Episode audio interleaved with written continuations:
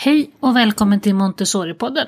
Jag heter Maria Schacki och gör denna podd för Montessori Sverige. Idag går vi på Mer-café med Montessori-sällskapet Mer. Det är ju ändå en av fördelarna i dessa eländiga pandemitider, att man kan gå på sådana här saker digitalt. Men för er som ändå inte kunde komma när det begav sig förra veckan kommer här en inspelning.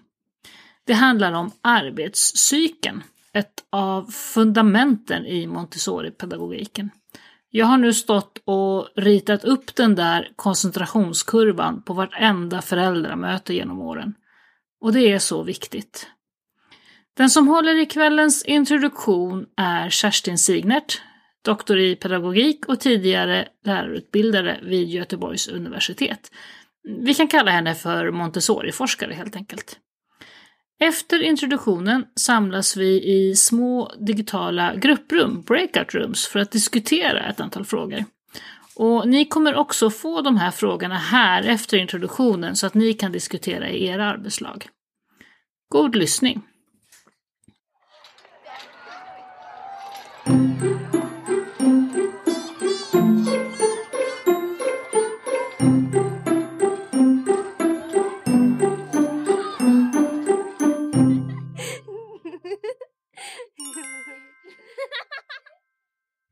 Ja, här sitter Karina och jag. Jag Ja, hej, hoppas att ni ser oss båda två samtidigt. Mm. Eh, vi ska eh, fortsätta här om en liten stund att prata om arbetscykeln. Men jag tror jag ska... Nu har du sagt hej. Hej, hej. Du vill inte säga något Nej, mer? det är jag Nej. Så, så tar jag datorn över på min sida och så hälsar jag alla välkomna. Det är ju fantastiskt roligt att vi kan vara så väldigt många. Det är ju något som är positivt med det här med digitala möten. Men jag hoppas att ni som Karina och jag har en bulle och kaffe och så, för det är ju lite kaféaktigt ändå. Ni ska ju fika under tiden tycker jag. Eh, jag- skulle bara vilja, eftersom vi är så väldigt många, alltså Maria Schacki hon sitter nere i Italien. Eh, men vi har Lingua Montessori med oss och vi har Montessoriförskolan Solen i Kristianstad. Vi har Montessoriskolan Casa här i Göteborg. Lilla Kuben i Lund. Johannebergsskolan här i Göteborg. Vidkärs Montessoriförskola. Båstad Montessori. Barsebäcks Montessori. Eh, Rosa tornet i Lund. Pyramiden i Borås. Holmgårdens Montessoriförskola. Österåkers Montessoriskola. Montessoriskolan Pärlan i Skene och Djurgårdens Montessori, Nybro Montessori, Hjärups Montessori, Apelskolan i Lund, Bjärreds Montessori, Montessori Vaxholm, Göteborgarnas förskola och Montessoriförskolan Prästkragen här i Göteborg och Svalans Montessori förskola och Paletten i Falköping. Väldigt, väldigt roligt att ha er med allihop. Eh, när, när jag har talat färdigt, eh, ungefär en halvtimme, så ska ni ju gå ut i breakout room. Så jag vill redan nu säga att när ni hamnar i de där grupperna så får ni titta på varandra och se vad ni heter. För den som eh, är först i alfabetet, tänker jag så här, det är den som tar hand om mötet, som startar första frågan, så att ni kommer igång med en bra diskussion. Och den som står längst bak i alfabetet, den sista i alfabetet, kan ta hand om penna och papper och anteckna vad det är ni säger. Så att när vi sen möts igen efter de här diskussionerna så, kan, så vet vi vad alla har pratat om och det gör det så mycket bättre, tror jag och hoppas jag. Ja, arbetscykeln det är ju någonting som är alldeles speciellt som eh, ett ord i Montessori-pedagogiken. Så att om man är Montessori-utbildad så vet man vad det handlar om, vad det är. Men det handlar om också att förstå det. Och det är det jag ska försöka eh, prata om nu. Vad är det egentligen? Ja, till exempel det här att det var Montessoris bidrag till experimentell vetenskap. Det är en väldigt viktig sak det där att förstå att Montessori, hon tittade inte bara på barnen, hon var inte bara ute i praktiken utan hon satt verkligen och ville föra ut det hon såg hon hade en praktisk pedagogik, någonting som hon också sammanförde med psykologin till exempel. Och det här med arbetscykeln och hennes bidrag till den experimentella, det är eh, denna grafen kan man säga, som bland annat är det som man kan tycka var det som Montessori alltså eh, testade fram, tittade efter. Hur, hur gör barn när de eh, Eh, arbetar? Eh, och det är just det som är det viktiga med, med den här arbetscykeln. Jo, men barnen kommer in i eh, klassrummet. De förbereder sig med att ja, kanske gå runt omkring och titta, ungefär som ni själva kanske helst vill göra när ni kommer till jobbet. Prata lite med någon, eh, försöka fundera över vad var det ni gjorde igår, vad var det ni tittade på för tv-program igår kväll eller vad ska ni göra idag? Alltså att gå igenom lite vad man ska syssla med som en förberedelse till dagens arbete. Och så väljer man ut någonting. Och då såg Montessori att barn eh, oftast tar det som de är lite kända med, det som de redan kan.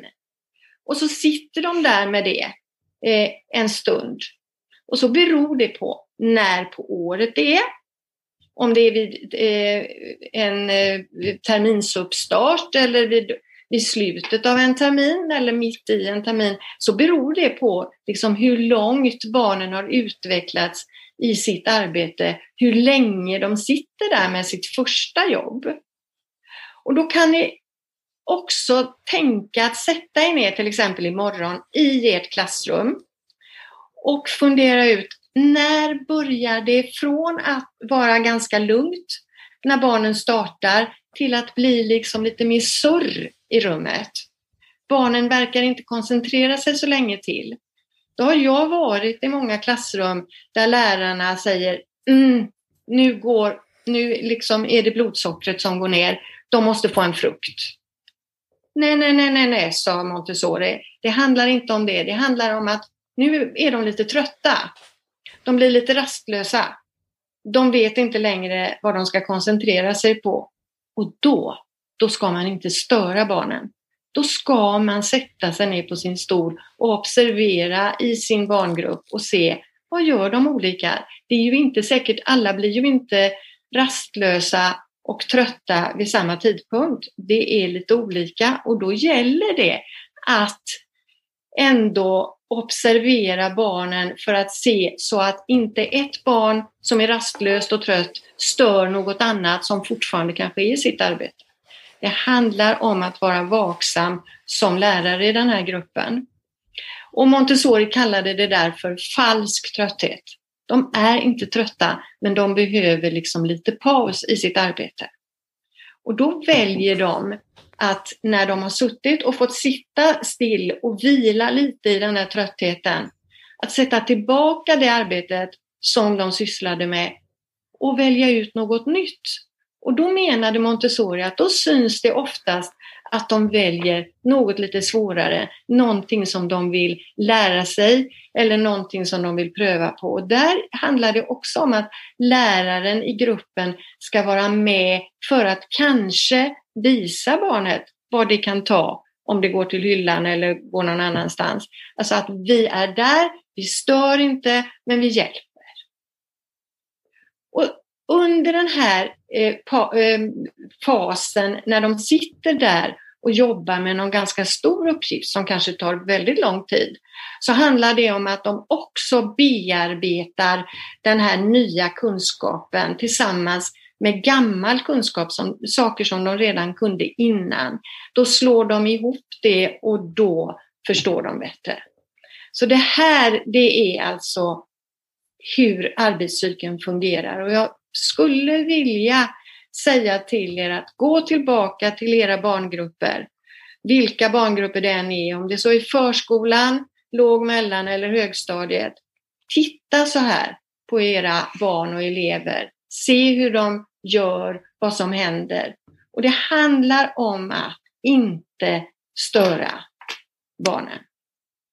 Och det här, alltihopa det här fick Montessori idén till när hon såg en liten flicka på tre år i förskolan som plockade i och ur cylindrarna ur cylinderblocket hur många gånger som helst. Hon räknade det till 44 gånger.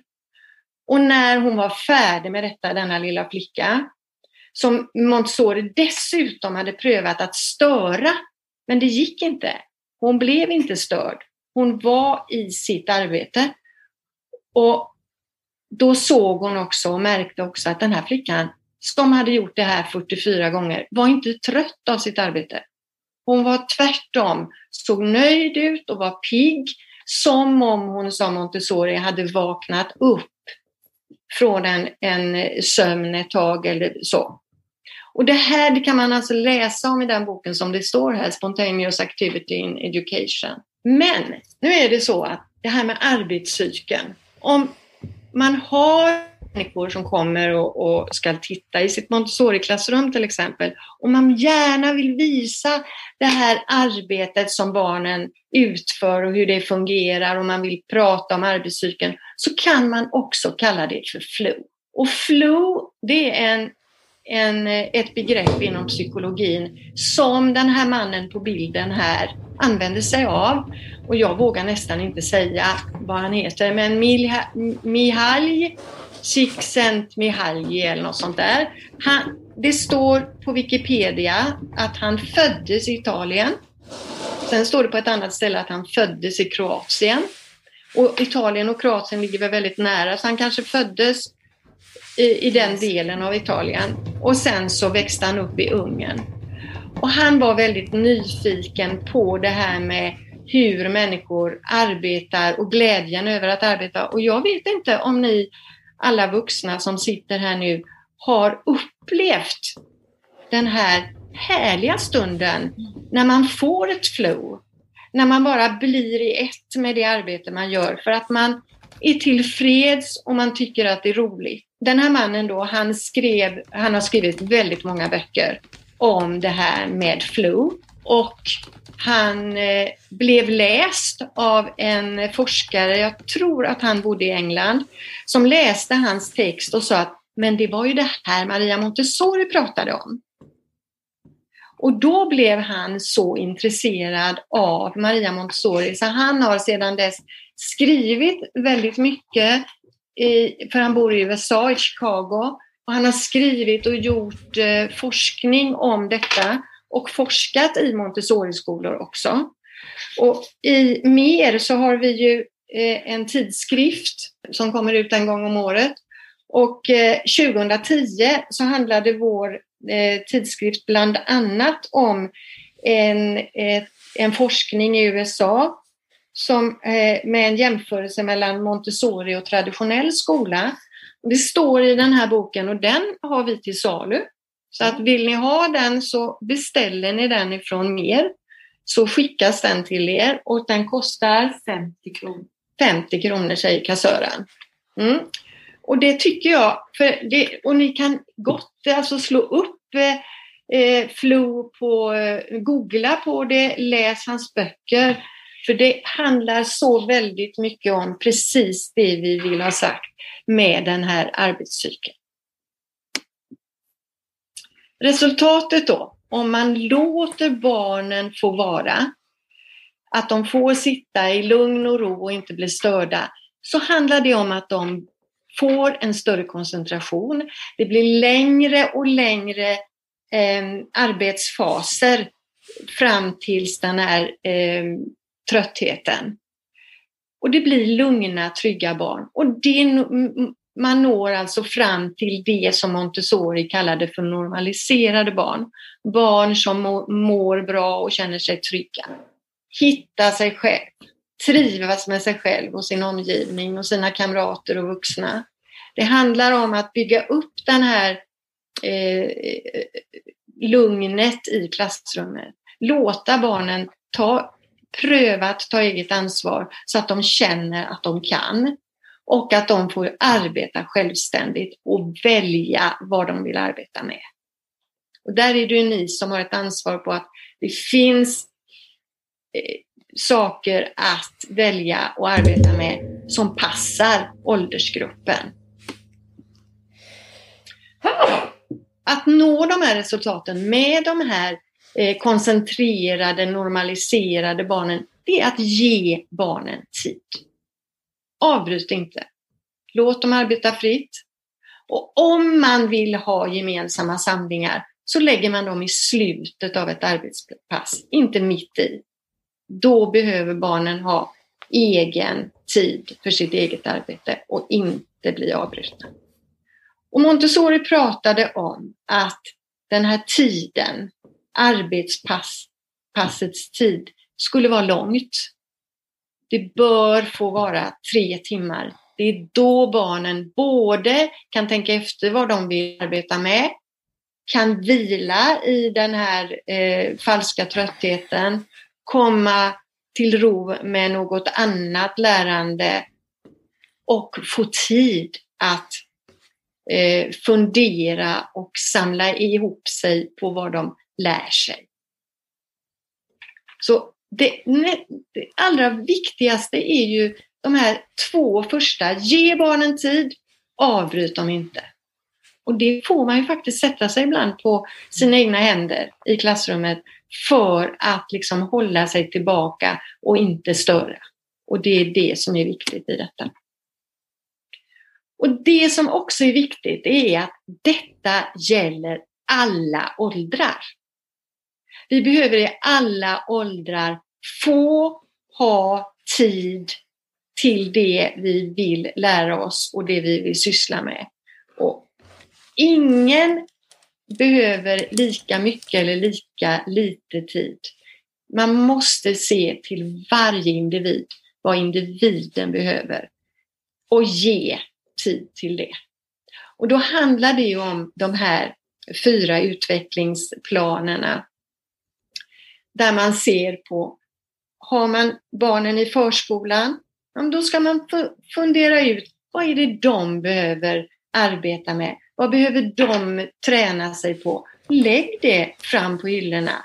Det behöver inte ligga samma saker på hyllorna jämt, men man måste veta vart man ska gå. Om man vill räkna, om man vill skriva, om man vill lära sig kartor eller vad det är. Det ska finnas en ordning i rummet som gör att barnen hittar sig själv. Och sen är det samma sak med 6 till 12 års åldern, 12 till 18 års åldern, 18 till 24. Eh, vi måste lära barnen att ta hand om sig själva och bli självständiga, lita på sig själva. Och det var de här utvecklingsstadierna. Det här ni vet, man pratar om de yngsta barnen som är möbelbarn. Och stillhetens tid, det är den där andra perioden. Möbelbarnen, det är den där första perioden. Sen är det stillhetens tid. Och det är då när barn behöver alltså sitta, ha sin plats kanske. De är mer akademiskt lagda, de kan sitta still mer.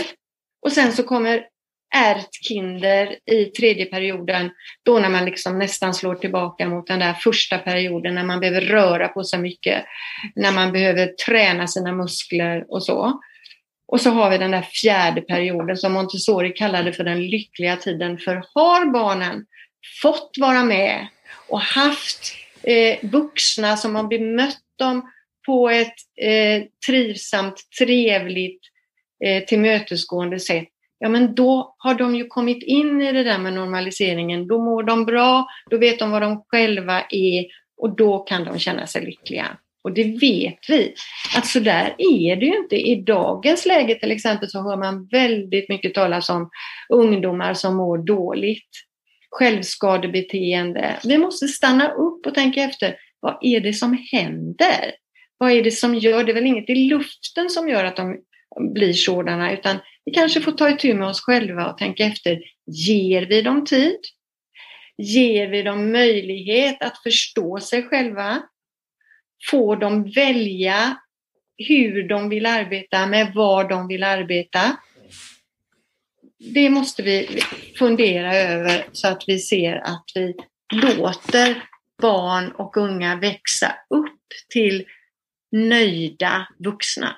En sak som bör finnas, eller som jag kan nästan säga måste finnas, för att det här ska fungera på allra bästa sätt, det är en åldersblandad undervisning. Och Montessori när hon studerade barn, när hon studerade skola och undervisning, så förundrade hon sig över varför man inte har klasser med mer blandade åldrar. Hon ansåg, när hon såg hur barn i blandade åldrar blev mycket lugnare, blev mycket tystare, så jämförde hon det med en mamma som hade väldigt många barn. Som hade det egentligen mycket lättare med flera barn i familjen än en mamma som bara hade ett barn. Som hela tiden eh, krävde uppmärksamhet och ville ha någon som lekte med eller hjälpte eller så. Och de här barnen i en stor syskongrupp, de kunde hjälpa varandra och få och, och ta stöd av olika åldrar och så. Och det var så hon tyckte att man skulle göra i skolan. Och det var då, inte förrän man hade en åldersblandad grupp, som man verkligen kunde utnyttja de här tankarna om till exempel arbetspsyken. Då kan barn jobba med olika saker i ett klassrum. Det krävs inte att de läser samma sida i läseboken eller räknar samma sida i matteboken eller så, utan där kan de verkligen få det här som Maria Montessori sa, frihet eh, och eget val. Det har på de senaste åren diskuterats väldigt mycket både för och emot åldersblandad undervisning och ganska mycket emot åldersblandning. Och då handlar det faktiskt inte om en Montessori-undervisning där man faktiskt vet hur man gör när man vill låta barn arbeta med det som just de behöver syssla med just då. Eh, för väldigt många som har en åldersblandad undervisning delar ändå upp barnen i grupper efter åldern inuti. Det ser ut på schemat som om man har en åldersblandad grupp men i klassrummet blir det lätt uppdelat i åldrar i alla fall. Och det är ingen Montessoriundervisning. En Montessoriundervisning då ska man egentligen inte veta hur gamla barnen är. Bara vad de kan, vad de har för intresse och vad de klarar av. Och här har vi en forskare i, i Umeå, Gerd Pettersson, som har skrivit om just det här att lärmiljön i de åldersblandade klasserna är lugn och trygg Eh, för att klassläraren tidigt kan uppmärksamma elevers behov. Men hon menar samtidigt att den här metoden, att ha en åldersblandad undervisning, den behöver alltid baseras på en välgrundad pedagogisk tanke. Och då säger jag Montessori-pedagogik.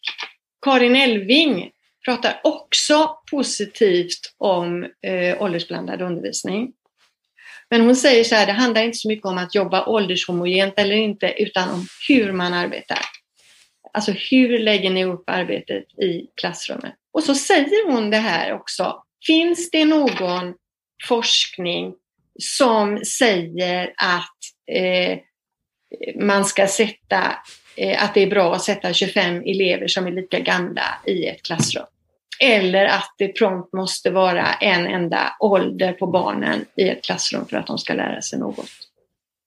Och jag vill att ni som arbetar i Montessoriskola, ni som arbetar i Montessoriskola med åldersblandad undervisning, ska känna, sig, känna er styrkta i detta.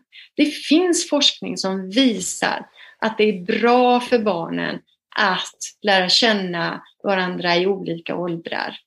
Eh, att ha hjälp av varandra. Eh, och jag vet att också många har sagt så här, ja men inte ska mitt barn som är duktigt behöva bara hjälpa dem som inte kan. Men det är faktiskt så att det är inte förrän man kan hjälpa någon annan med den kunskapen som man har lärt sig som man verkligen förstår att man kan.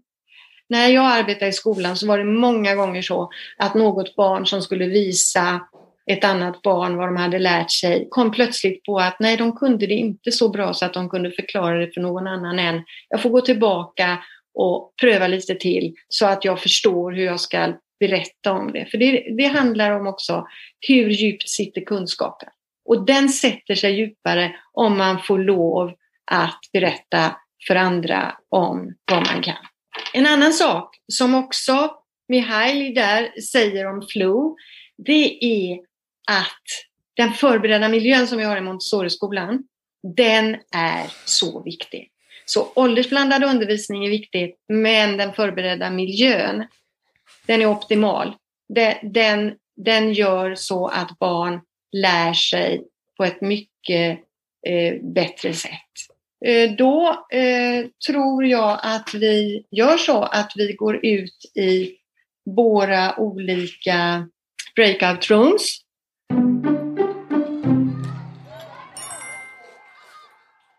Okej, då var det dags för diskussioner. Det här är frågorna vi fick med oss ut i rummen och som ni kanske kan ha användning för när ni reflekterar tillsammans.